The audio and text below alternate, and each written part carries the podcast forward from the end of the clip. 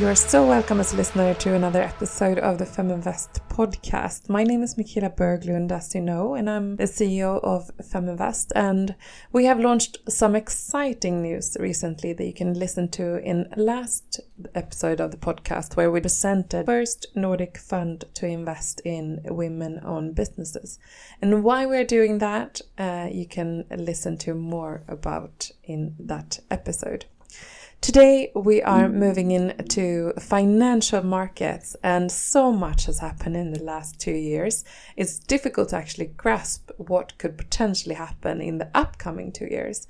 But we're going to try to do that, and we're going to do that together with Christoffer Malmström, uh, who is. It's always fun to say a Swedish name when you are Swedish and you you know the the other person is Swedish, but you are talking to an English audience, right?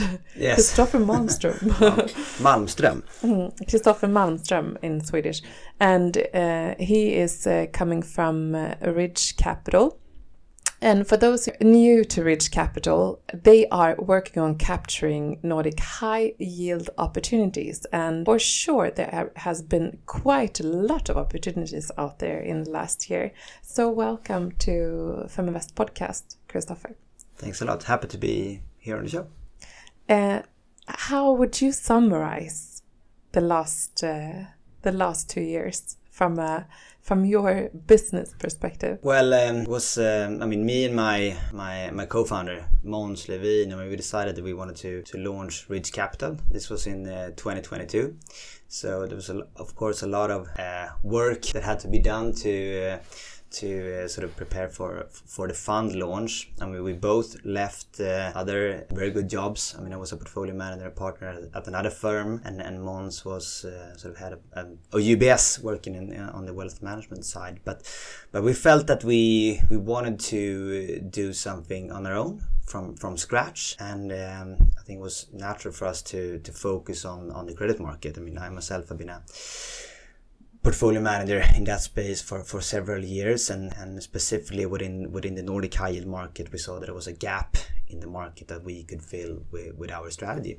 So we uh, yeah we, we launched launched the fund in uh, December 22 so it's been uh, live for a, for a bit over uh, over a year. And uh, you know looking back at uh, 2023 I'm very very pleased with what we achieved. The return was was very strong. We did close to 13%, which put us at the, the first uh, place out of 100 funds uh, in in our market. So of course very happy with that for, for um, this newly launched fund. Um, and in terms of fundraising, I mean we invested about you know close to three quarters of a billion during the course of last year in the Nordic high yield market. So. I think uh, yeah, I'm very pleased with what, what, what we have done. Yeah, I I am uh, also really intrigued by that number and by the revenues that you've uh, delivered. That's great, and what a start! Thank you. Um, and you know, it's an asset class that m- many people would consider as less risky uh, in comparison to to the stock market or other sort of investments. Uh, what's your perspective on it in the current market? I think uh, that is uh, very true. I mean, we consider it to be less risky. Um, I mean, I think in contrast to investing in equities, I mean, equities you sort of anticipate or uh, discount, you know, your your future expectations for a company, or that you have, uh, uh, you know, you rely on economic growth to deliver returns. Uh, for us, that is not really the case because our returns are contractual. So what we do is that we lend money to companies and there is a contractual agreement on the returns that uh, the, basically the interest rate that they need to pay us and for the for the tenure of this loan, uh, which is typically three to five years. Um, and uh, at the end of that term, they need to repay us the money. Uh, and if they don't repay us the money, well, then there are you know certain um, well, there could be a, a bankruptcy proceeding, which in as a last resort and the, the lenders would actually be able to take control of the company. So that gives the, the borrowers the companies that we invest in uh, a lot of incentives to uh, sort of fulfill this uh, the contract that we have with them. And, and also in these bankruptcy proceedings the debt that we invest in the money that we lend ranks superior to, to the shareholders. So in that sense we are sort of have lower risk. Mm. And uh, you know, it, it's always great to to actually walk back a few years in time and look into like how did you end up here.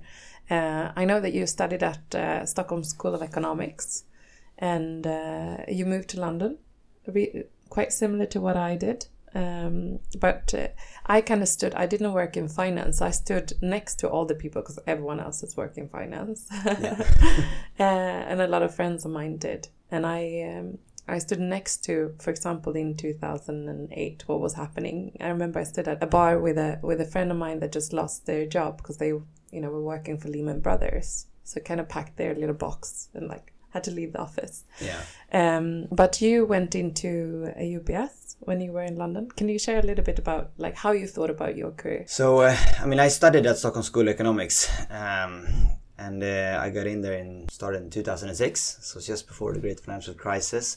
Uh, I was quite determined that I wanted to get into the banking in, in, in London.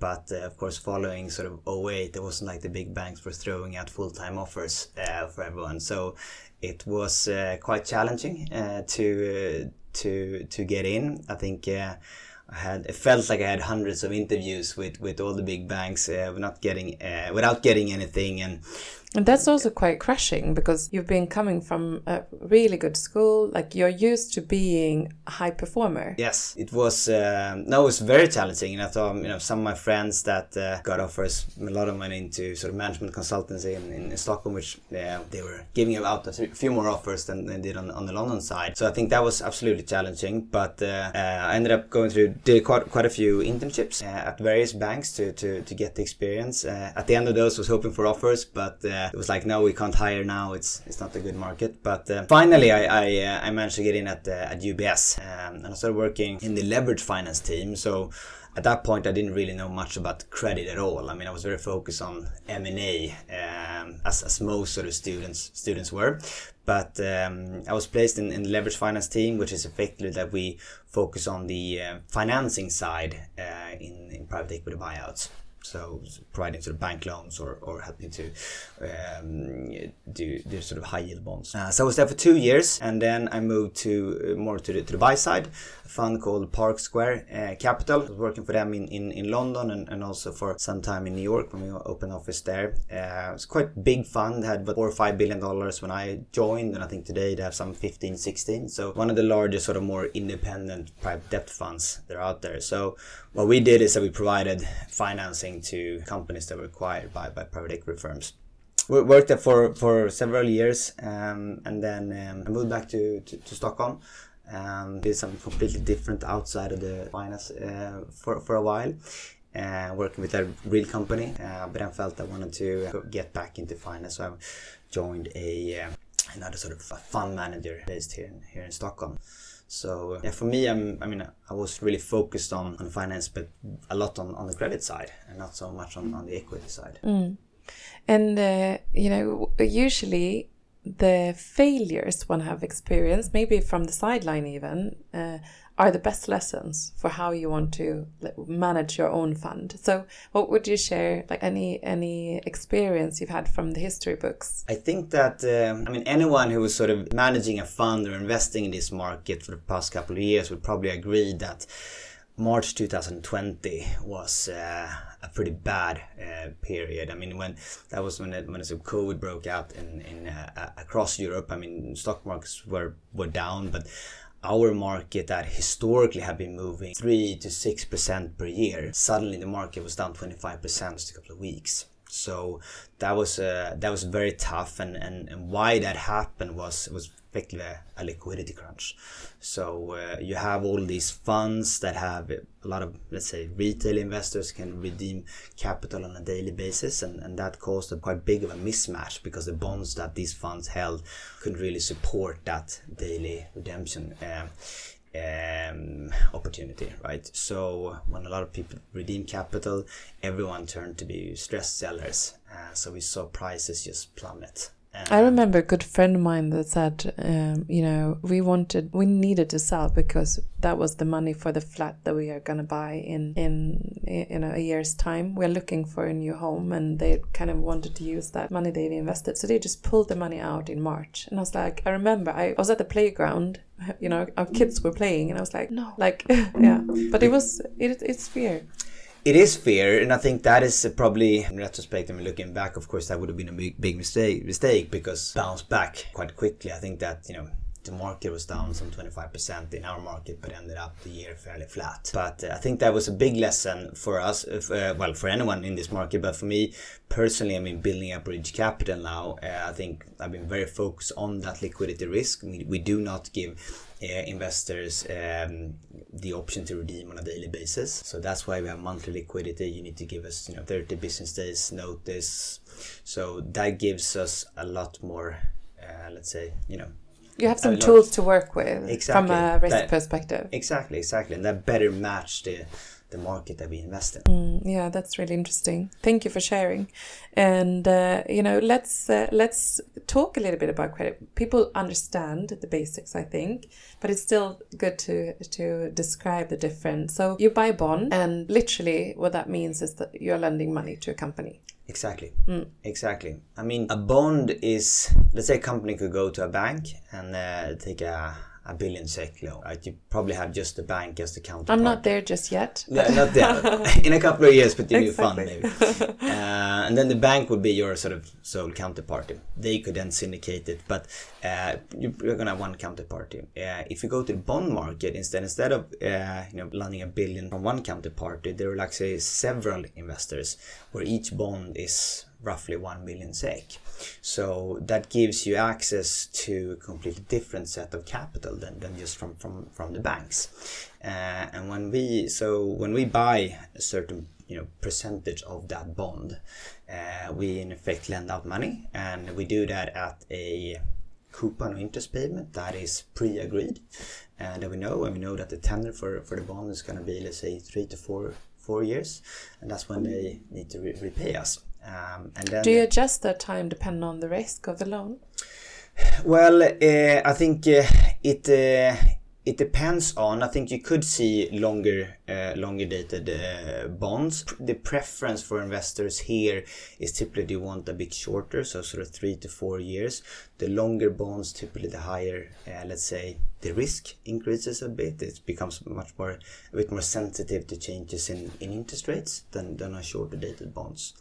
Um, I think that is uh, that is also one important aspect just for for our market is that in the Nordics is that the investors have a very big appetite for for uh, floating rate notes, meaning that um, it's basically the coupon that the company pays uh, is let's say the base rate, let's say three months STIBOR plus a certain premium. Uh, whereas a fixed rate coupon is just you decide it's going to be 10% fixed. And if it's fixed, then it's much more sensitive to if the central banks are going to increase or reduce. Yeah, in those times, it, it's less of those types, I can imagine. Exactly, exactly. So I think uh, you know for the for the past couple of you know you know past year, eighteen months when interest rates have gone up, of course you've been you benefited from from having uh, floating rate notes because base is going up.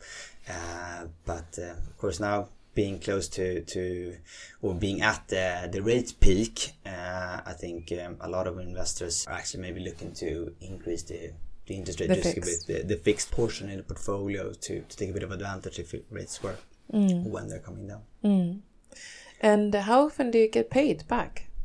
Um, I mean, uh, we uh, typically always cu- get customers. Yeah, yeah. we so um, I mean the interest payments is every say three to six months that we get paid, uh, and then at the end uh, we I mean we haven't had any defaults yet uh, where companies hasn't been been able to pay us back. Obviously, we've only been live for, for one year with with this fund, so uh, but I think that but it's also if the interest rates are at the peak, uh, it, they should have, um, you know, it should be less expensive for them possibly to some extent. Well, Onwards, I think if they are not. I think if they let's say if they a lot of companies if they would have to refinance today with uh, with a new bond, it would be probably quite more expensive than it was three to four years ago when interest rates and, and also the risk premium that investors required was a bit lower than what it, what it is today. Um, but uh, um, I think that you know there is a bit of a shift in risk sentiment from from investors, uh, and uh, we're actually you know beginning of this year now. I think that there's been quite risk on. And a lot of companies do take try to take advantage of that to to refinance some of the debt. And, mm. and of course, this is going to be a big theme in, in the real estate market, which has been in focus for a lot of investors and with with the higher interest rates. Yeah, and I you know I can imagine that there are a few real estate companies that will have to refinance their loans over and over again now. Yes, indeed. I mean, uh, I think that the the uh, well spread, the risk premium that that investors have demanded in real estate is quite a bit higher than is for for other sectors, um, and uh, I think we still haven't seen the last of it. I mean, there is there is for the next two years a quite significant amount of volumes that need to be refinanced, but I think that the sort of more solid and maybe lower uh, leverage uh, uh, real estate companies, they will probably do quite alright, but we will probably see some yeah, some companies that will that will struggle to, to refinance. Mm. And uh, the bonds are also actually listed. How do you get access to them? So bonds are listed, so they are uh, they are trading, um, and uh, this is is a market that is a bit a bit difficult to get access to. It's not like you can log into Avanza or Nordnet and, and start buying these and see basically the, the universe of, of bonds there. So, because all of these bonds are actually trading what's called OTC or over the counter. So, you have a broker that you speak to as sort of the middle guy. You tell him or her that uh, we're you know looking to, to buy this bond, and then they will try to find sellers.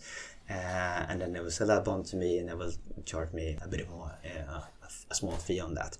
Uh, so uh, it is. Uh, I mean, my my uh, my partner Måns sometimes try to say it's maybe more similar to what the stock market was probably in, in the 80s or something. Uh, but do you see innovation happen in that regard?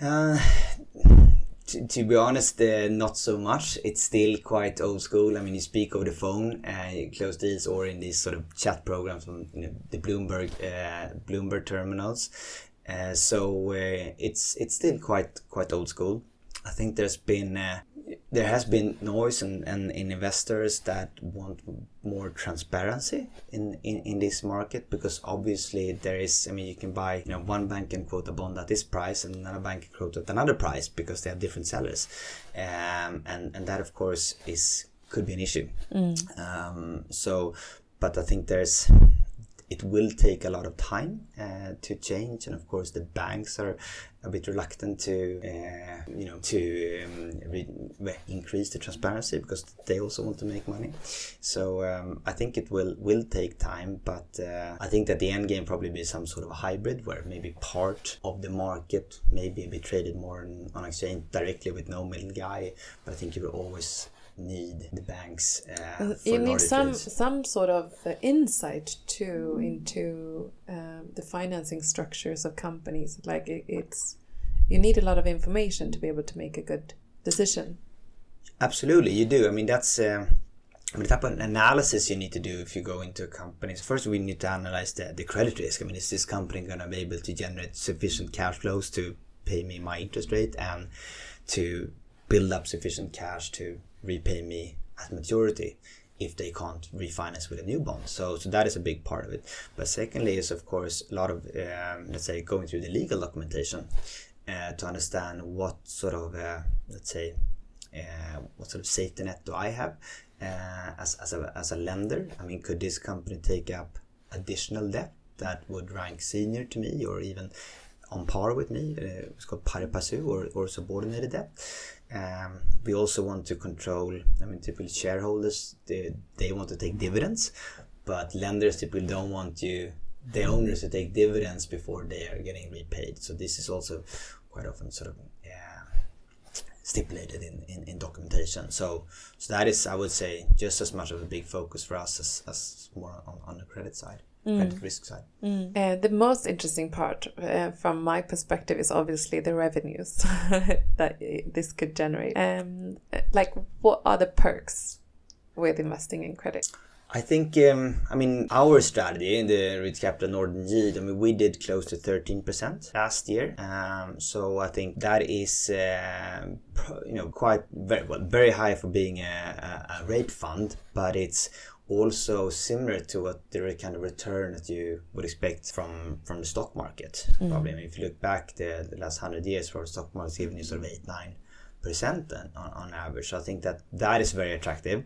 Um, I mean, as I mentioned, I mean the, the yield today, which is the expected return, what, what you're going to get paid, um, is sort of in the you know eight to twelve percent area in, in, in our market. So I think. Uh, I think this is definitely something most investors of not all investors should benefit to have in their portfolio. Yeah, it's and it's also because um, you're not reluctant or you're not dependent on uh, GDP growth either, which is a good way of diversifying if you are, you know, looking at uh, or got a portion of your portfolio towards equities.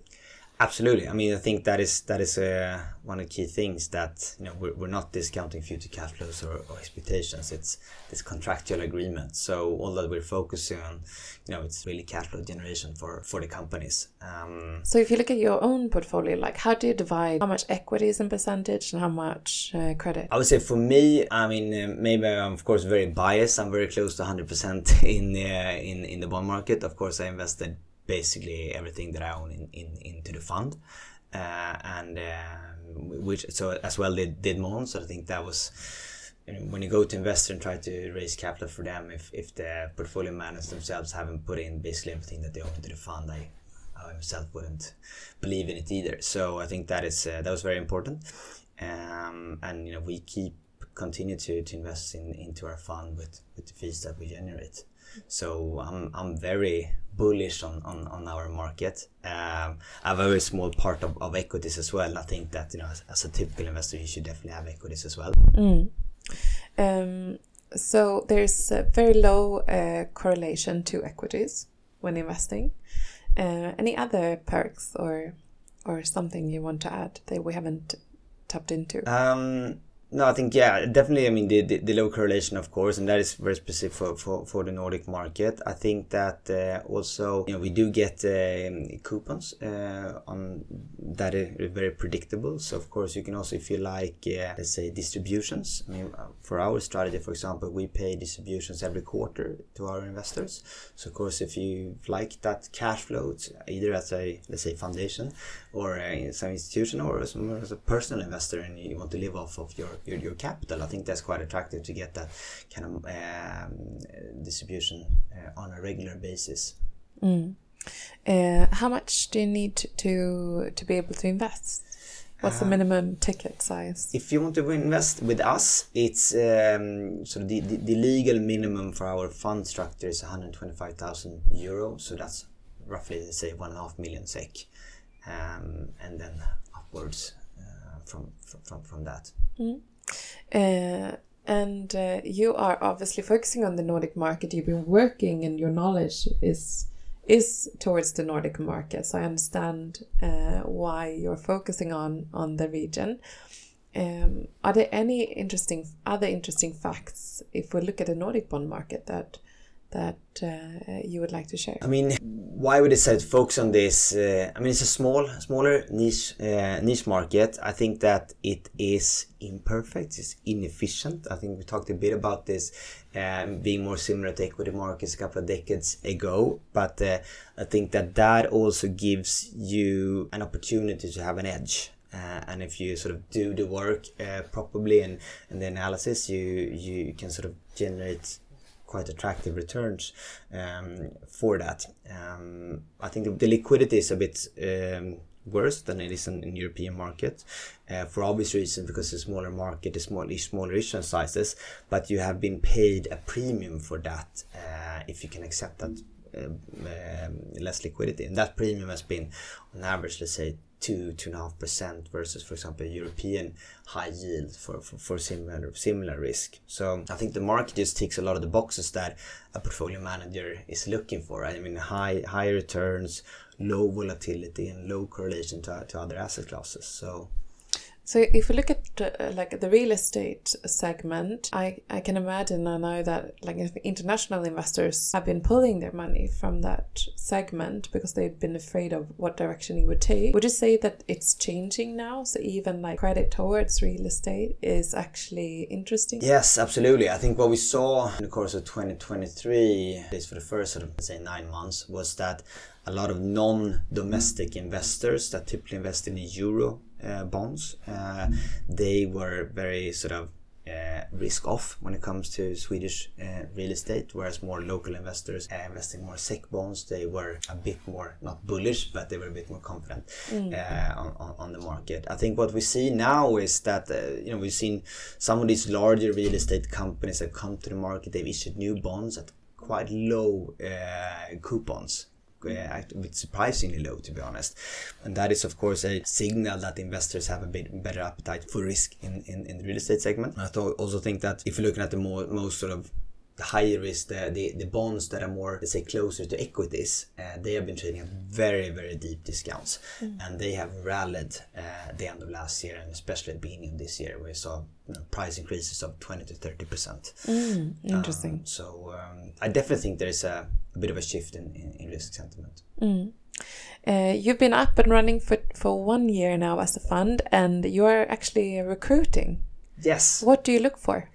Um, we are recruiting for at, at least two more people to join the firm. So we have four now. Uh, so we're going to be two more. We're looking for one um, sort of a portfolio manager to work alongside myself. Uh, that maybe has sort of three to, to five years uh, of, ex- of experience.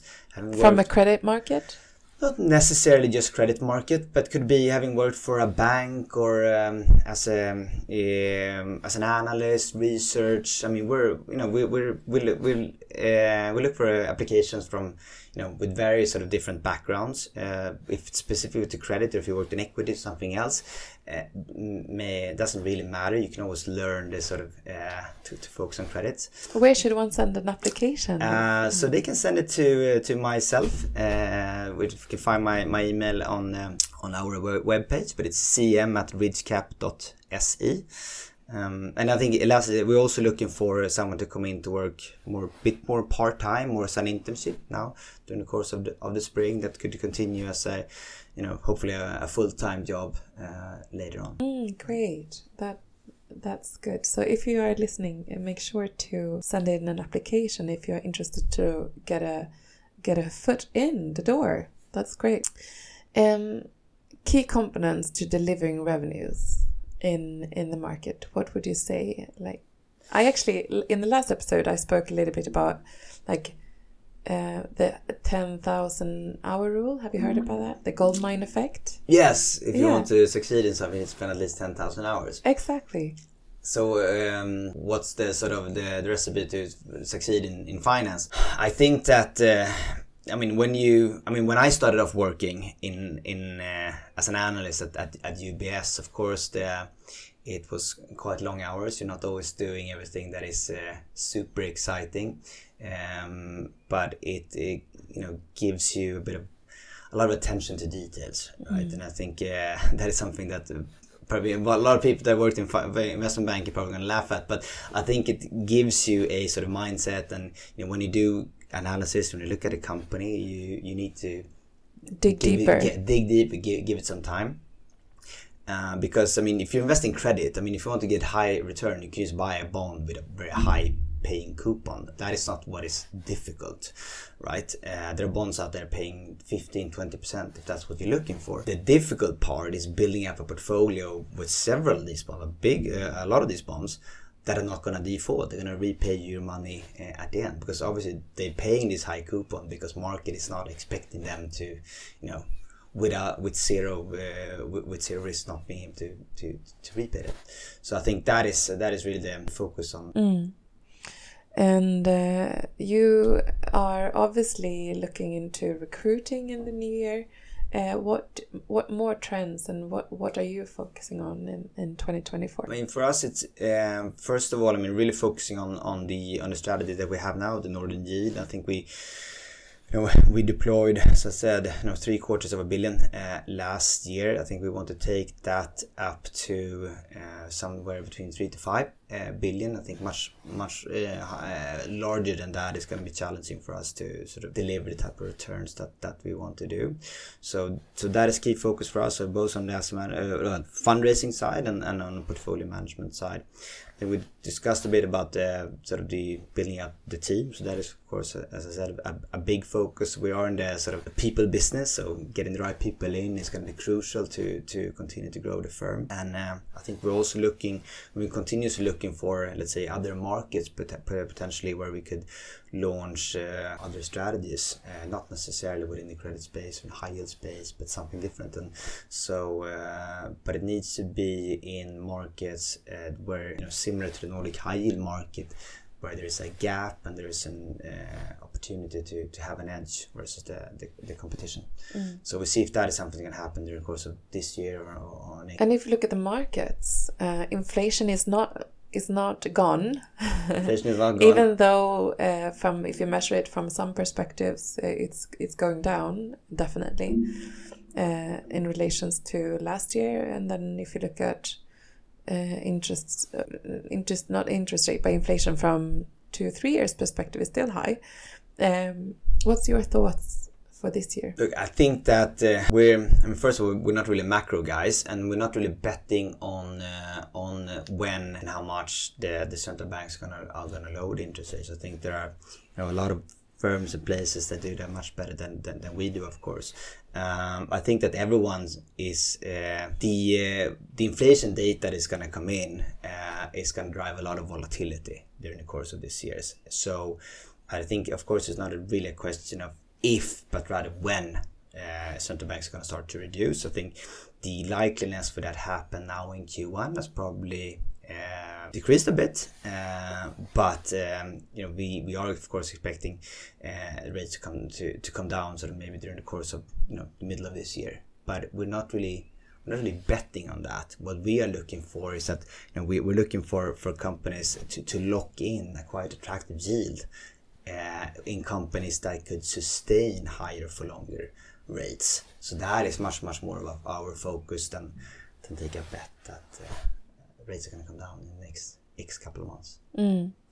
Uh, so uh, you know, we, you and I both expect rates to be higher for a longer period of time in comparison to the, what they've been for the last 15 years, I, I assume. yes. yeah. and uh, what uh, what sort of uh, like additional investments or like what would you look for in that in this new market? In that context um, no but i think that uh, you know i think that the you know we shouldn't expect that rates to come down to to negative or, or zero as we what we've seen before. I think that uh, you know people that are much better at this than, than I am probably putting that in the sort of two to three percent area as, as a reasonable rate uh, in for, for for the long run. Um, and in that context, I think that uh, I mean for me, I think that you know in our market credit, I mean the the yields are going to continue to be quite attractive if you have sort of two three percent base rate and, and a premium. Uh, of, of four to five percent. I mean, your your yield return is going to be in a high single digit. Um, and for me, that is that is good enough. I don't need to uh, take so much high risk, but with the risk of also losing my capital. Mm. Um, so yeah, for, for, me myself, I'm probably gonna continue to invest my my wealth into into this market. Mm.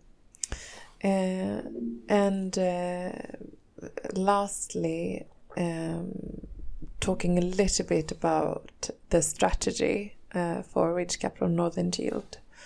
Um, you've been live for a year.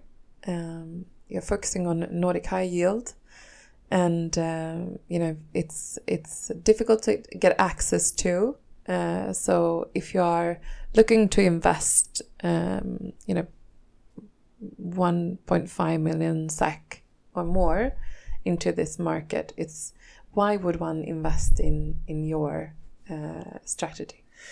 Um, I would say for if you the, the challenging part with this um, not just the access part, uh, but also the amount of capital. If you want to do this on your own, I mean, every bond is trading at a minimum of about one and a half million SEK. So if you want to build up a diversified portfolio of say 30 bonds, well, you need to sort of deploy 50 million Swedish kroners or more.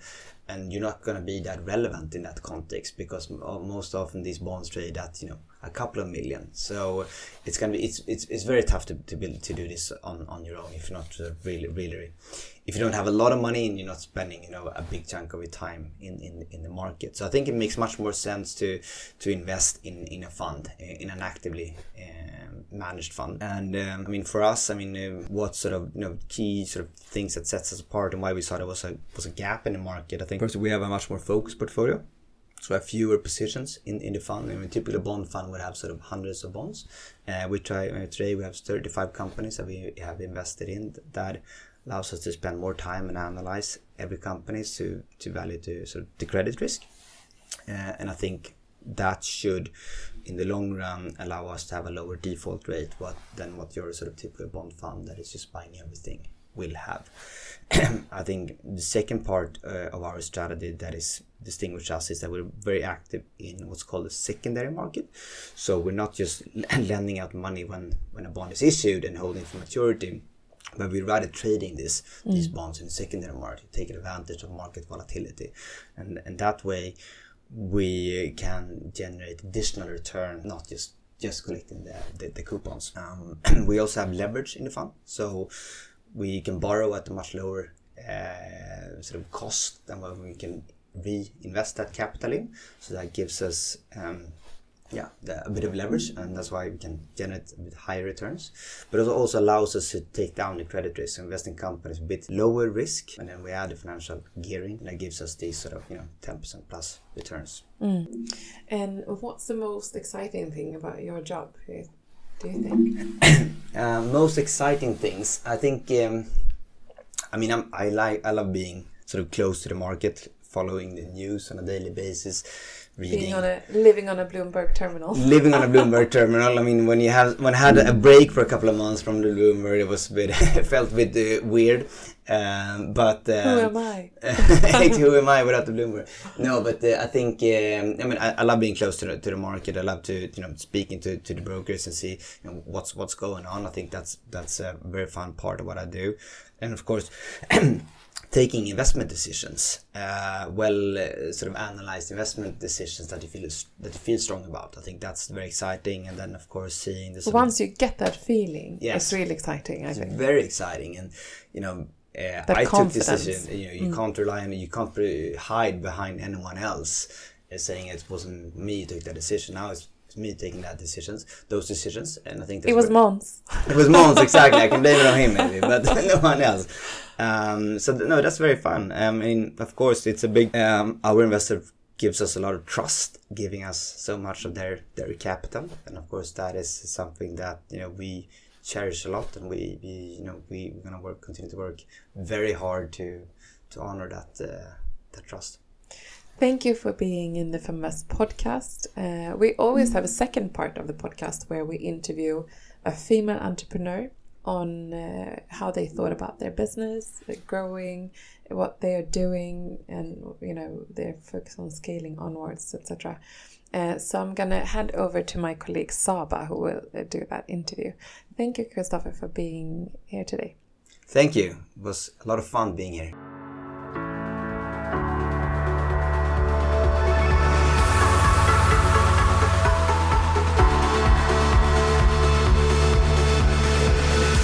Hi, and welcome to Feminvest Podcast 2024. Uh, we're back to dive into the inspiring stories of our, our female founders and entrepreneurs who have been uh, trying to navigate through challenges and finding strength uh, during 2023 and, ba- and backward. Uh, so today with me, I am very glad to have Gabriella Picano. She's the founder of Workin, a digital female wellness studio, uh, and she's joining us today uh, to tell us more about her passion about helping women reclaim their power and live a life in harmony with body and soul, which is perfectly aligned with the start of 2024. Uh, so, welcome to this podcast, Gabriella. Thank you so much. I'm so happy to be here. Thank you. We're just as happy as, uh, as happy as you are.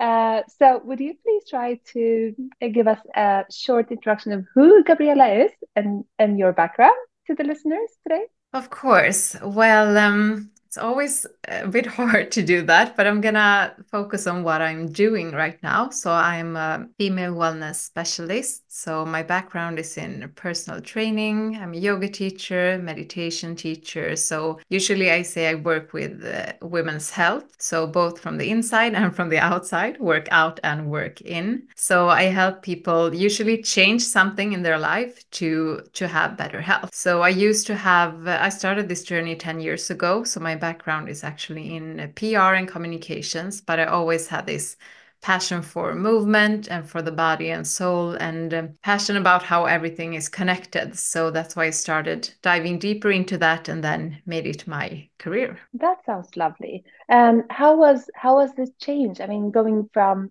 pr and marketing to doing um, working on your mental and physical health and doing that instead? How was how was the change or the the transition? Uh, it was uh, it was mandatory for me. I think actually it was a good practice being in uh, being in a business that wasn't truly aligned with what I wanted to do it was what I had studied. It was really fun, but I always um, on the side had this. I did a lot of workouts. I was dancing, and I also started working a little bit as a fitness instructor while I was working in PR. And then it was a good practice for me to see, okay, how can you motivate yourself? How can you become better when you don't feel that you're truly aligned with what you want to do? And then I realized that I have to really dive deep into what I want to do and see if and how I can build a career from that. So that's um, I think it was meant to be that I had to do this change. So did you just like kind of wake up one morning and said, okay, let's just quit my job and do what I am passionate about,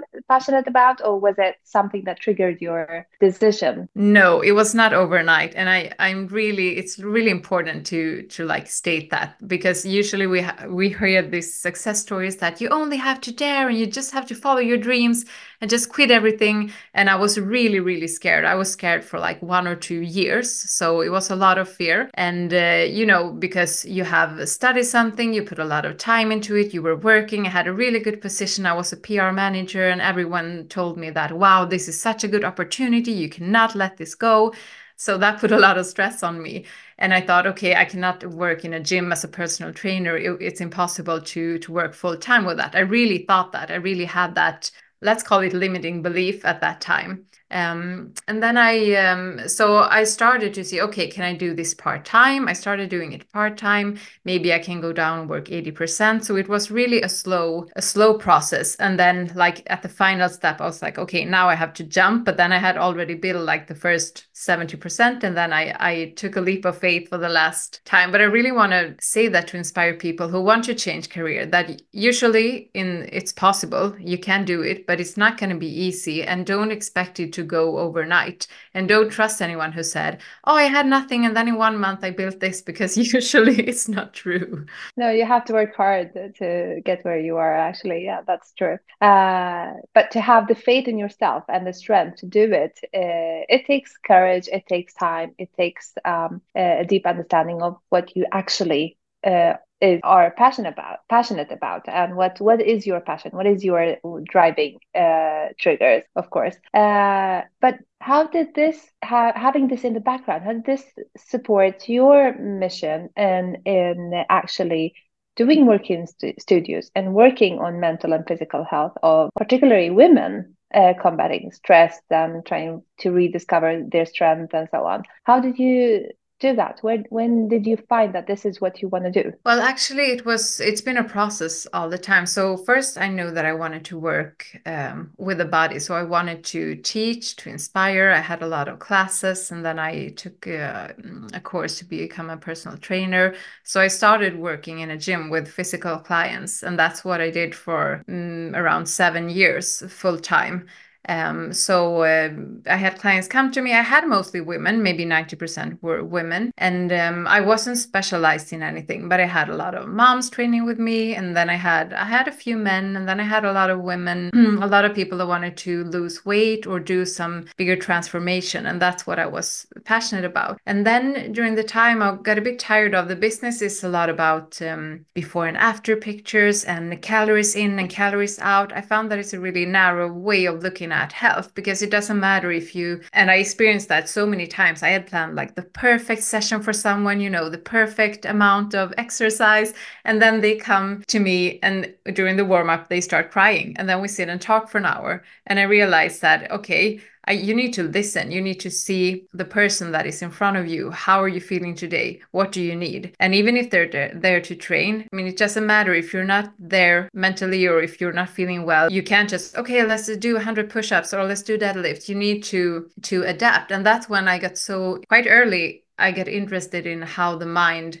works with the body because it's all so connected and i always felt that inside of me but then i started to to see it and to use it more with my clients. And a lot of my clients actually call me like oh you're like a life coach and you're much more than a personal trainer. And i i never like said that i, I give advice or work as a psychologist or anything like that but i really try to to help them because let's take an example. Someone wants to lose weight. Okay you need to eat like this you need to train like this you need to sleep like this you need to do all these practical things that we know work. And you need to have discipline and you need to find your way. But if you don't know why you're doing it if you're not motivated if you don't know what's the real reason you want to do it it? Is it just because you want to fit in those jeans you had 20 years ago?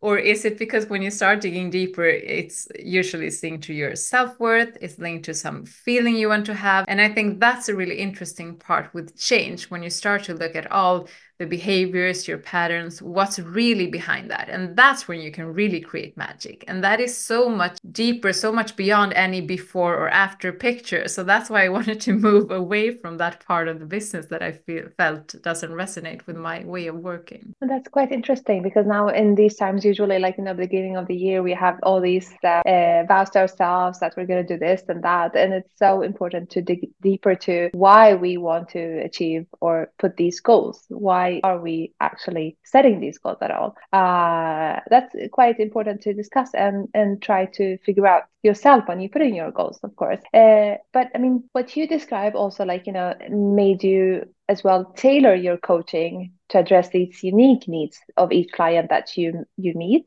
Uh, how did you develop your concept of Workin studios, given the experience that you've had and the the insights that you got uh, that yeah. made you kind of like change your direction? Yeah, I started during the pandemic. Actually, just before the pandemic, I was already quite uh, done with like working in the gym, and just because I was quite limited, people came and paid me for training, and that's that was that, and I had to give them what they wanted. But I wanted to go deeper, and and that's why I thought, okay, let's start something on my own and I can start digitally. And then the pandemic came, like threw our whole business into the digital world because we were quite after in that in that sense. And I started to build this studio with them. Um, it's um, mainly one-on-one coaching and where i thought that okay i can decide on my own now i can create tailored programs that are with everything it's training it's diet it's sleep it's stress it's uh, breathing. And um, that's when i also got I, I, decided to focus only on women because what I discovered during the years, except from being a woman myself, I had my hormonal issues. I know that our bodies are more complex than men's bodies. And also a lot of women that I met, they have heard, for example, let's I'm taking weight loss as an example because it's a common request that I get. Um, I've tried everything. I eat less, I train more, I do this. I know I do all the right things, but nothing happens. And that's where we are more complex than men. And I'm not saying that, oh, it's so complicated, it's harder. It's just, according to me, more interesting. But you need to look look at more aspects. So we have our hormones, um, and it, it's different if you're 30, if you're 45, if you're 55, and I have all this range of ages in my among my clients. And that's when you need to look at more than just your calorie intake or your movement or your diet, because you can have hormonal things. Maybe it's your stress. It happens so many times. I start working with someone who needs to lose weight and I take away their training. I, I force them to train less, eat more, and rest and take deep breaths and they lose those 10 kilos in two months and they have been struggling for years so that's what i mean that it's all connected you need to find the root cause you can't just go and i don't like working with these programs that you jump on a diet or you jump on a program for 12 weeks and then you're off i want to build something that can work for the rest of your life. Yeah, to create impact for real, of course. Yeah. Um, so, I mean, you mentioned the weight loss challenge, but what other challenges do women often face in their health journeys? Um, how do you guide them through? The women that come to me, it's a lot of stress. It's a lot of, and the stress then can affect your body in different ways. It can affect you that you get pain or you feel really stiff or you have trouble sleeping or problems with your digestion or you want to become pregnant and it's harder or uh, you're in menopause and you have issues with that so a lot of stress management and then a lot of actually i would say almost all women i meet they are really informed. They uh, they know everything. It's not like i have to teach them okay this is good food or this is good for you or you need to to move your body. Everyone knows that already. It's more about navigating because we have so many things. We have so much info today so many impressions, so many people telling us, eat this, don't eat that, do that. Oh, you should do HIIT workouts. No, only yoga. No, you should do this. And it's confusing, even for me who work with this. It's so confusing sometimes. Like, and they get that's an ulterior stress. Like, what can I do or what should I do? So basically, I help them navigate through that and coming back to basics like, okay, stop listening to anyone else but yourself and me and like really get to the like how do you want to live your life? That's actually what what i need to look at and what i like to look at. So we start with okay i feel that i have too much on my plate or i never have time with this. Okay then we'd see look at the whole puzzle. What do we need to do? Or if you have pain somewhere okay what does that come from? So it's it's actually about looking at the whole picture and then trying to to create a way. So i think where i do the most difference as a coach is not about telling coming with information saying do this or do that. It's more like holding their hand throughout the process and supporting them. So when they have a plan knowing that i will be there so when they fall off the plan they can come back they have support because the continuity is usually the part that is hard. Like everyone knows that we start something we're motivated and then we lose it after 3 weeks and we need someone to to keep us going. Yeah, and you're there to try to help with the holistic well-being part, yes. of course. Yeah. Uh, so if we just go back a little, I mean, when when you started off, uh, did you feel that you you lacked that kind of uh, like personal coaching or are you trying to coach yourself through the process itself or do you have your own coach as well i mean given it's, it's very stressful uh, actually being an entrepreneur and then yes. actually taking care of your business but also like taking care of your clients yeah actually that's what i've been uh, searching for for the last couple of years to find someone who can coach me through both like the entrepreneurial struggles but also the personal like working in this business so i have i have tried out a few I think I'm finding my way to. I, I, found that it's hard to find someone who has it all. So maybe you can accept that. Okay, someone helps you with your business, someone helps you with your personal growth. But yeah, that's something I've been really the first years, I didn't think so much about it because I was so clear on my path. But then the more you work and the more you also develop your business and your business change, then you need you need support. And I think as a coach, you're always helping someone else, and it's super important to have your own coach. And I always had that in in training when I wanted to develop a skill or whatever it was. I always it was always important to have someone to to help me physically. But now I want someone who's more also holistic. So that's what I'm on a path of finding. interesting. So that's a shout out to everybody out there. If somebody listening um, uh, finds it interesting to actually connect, um, yes. they can get in touch with you. yeah, please. Uh, yes, please, our listeners. Do yes. And um, you touched it a bit. But I mean, given given the the uh, fact that you have been an entrepreneur and working through the pandemic, uh, now navigating through new new like market trends, um, and um, we don't know how 2024 is going to look like, but hopefully better than 2023. But it's been a tough market.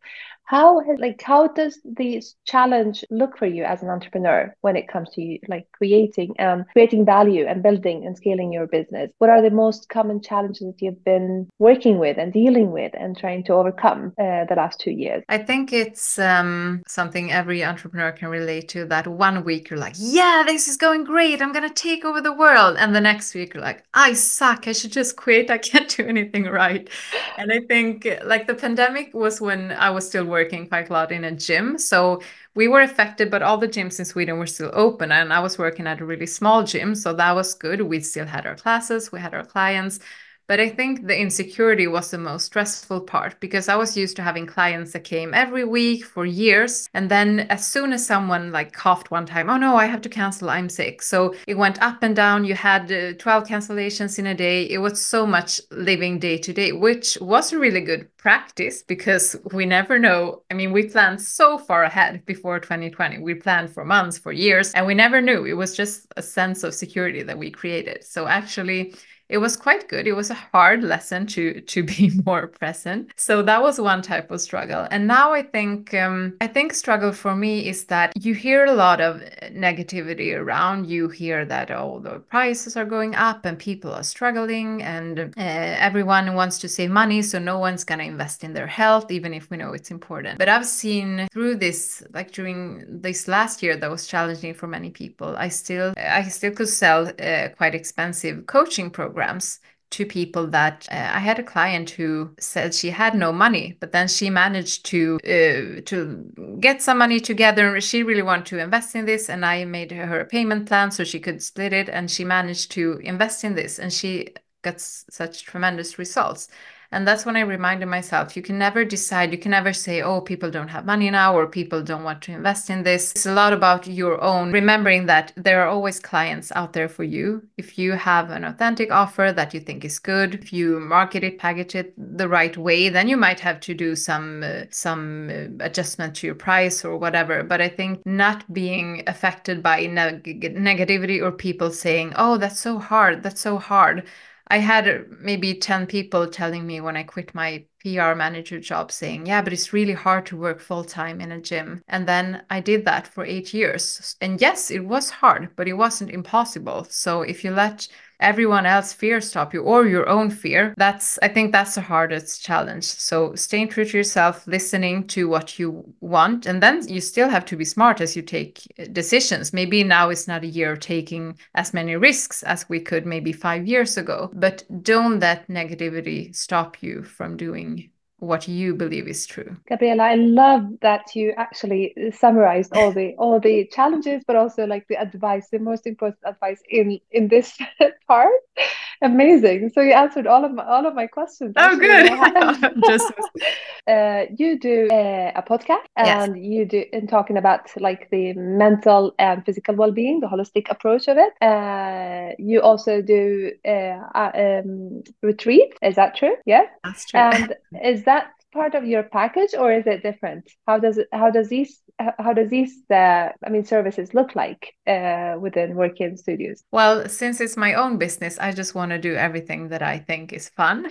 So the podcast is actually a way of meeting a lot of interesting people and spreading inspiration to people. So it's about yeah it's well-being. It's called the Workin podcast. The new season is coming now 2024 and I interview everyone. I want to also have different perspective on health. So it's also men actually, men and women, and we talk about everything. And then my retreats are a retreat is my favorite way of just it's such a luxury to be able to get away to move into it can be in Sweden or abroad, but just get a few days to connect with yourself, to get inspired. I think it's such a powerful way of getting new inspiration. So I have a yoga retreat in Tuscany in May and a yoga and wellness retreat. I can send all the links. And then I'm gonna uh, host yoga on a retreat in Mallorca in May as well, ending of May. And then um, movement and it's uh, called retreats for all senses i have a retreat with my sister in sicily in october so it's going to be all parts of well-being so good food uh, some restorative time a little bit of movement yoga culture so a little bit of everything there that's amazing Sounds yeah. like I want to join you on all these retreats. You're welcome to do that. Yes, yes. And then you shared a bit of a success story that you had with a client, and I love the idea that you you were talking about investing. That this client was going to invest in herself which is amazing because that's the thing with with the mental and physical well-being of of ours is actually an investment that we do for ourselves uh, and it's probably the most i mean given that we're talking about investments all the time during the the podcast and the feminvest events and and um, health is wealth is one of our like our main titles that we use for our our event as well because we need to invest in health to make sure that we can also go through and get our do- goals done and achieve what we are looking for and and try to really uh, work inside out with ourselves uh, and that's really important. And that's what I wanted to actually talk about and talk through today with you. And I'm so happy that we had this conversation. It's really inspiring and and um, it makes me want to explore more about the holistic approach to health with with you later on so i'm gonna keep in touch with you uh, and i'm really happy that you're actually part of our expand program for female entrepreneurs and i hope you will get to connect with more uh, entrepreneurs but also hopefully someone out there will reach out to you um, about coaching and mentoring that uh, may be the right person for you. Uh, so thank you very much, Gabriella, for sharing your story thank and you. your mission on empowering women to embrace our strengths. Uh, and thanks very much to our listeners. Uh, stay tuned for more inspiring stories of resilience, success, and incredible female entrepreneurs that we have within our Expand program. Thank you. Thank you so much.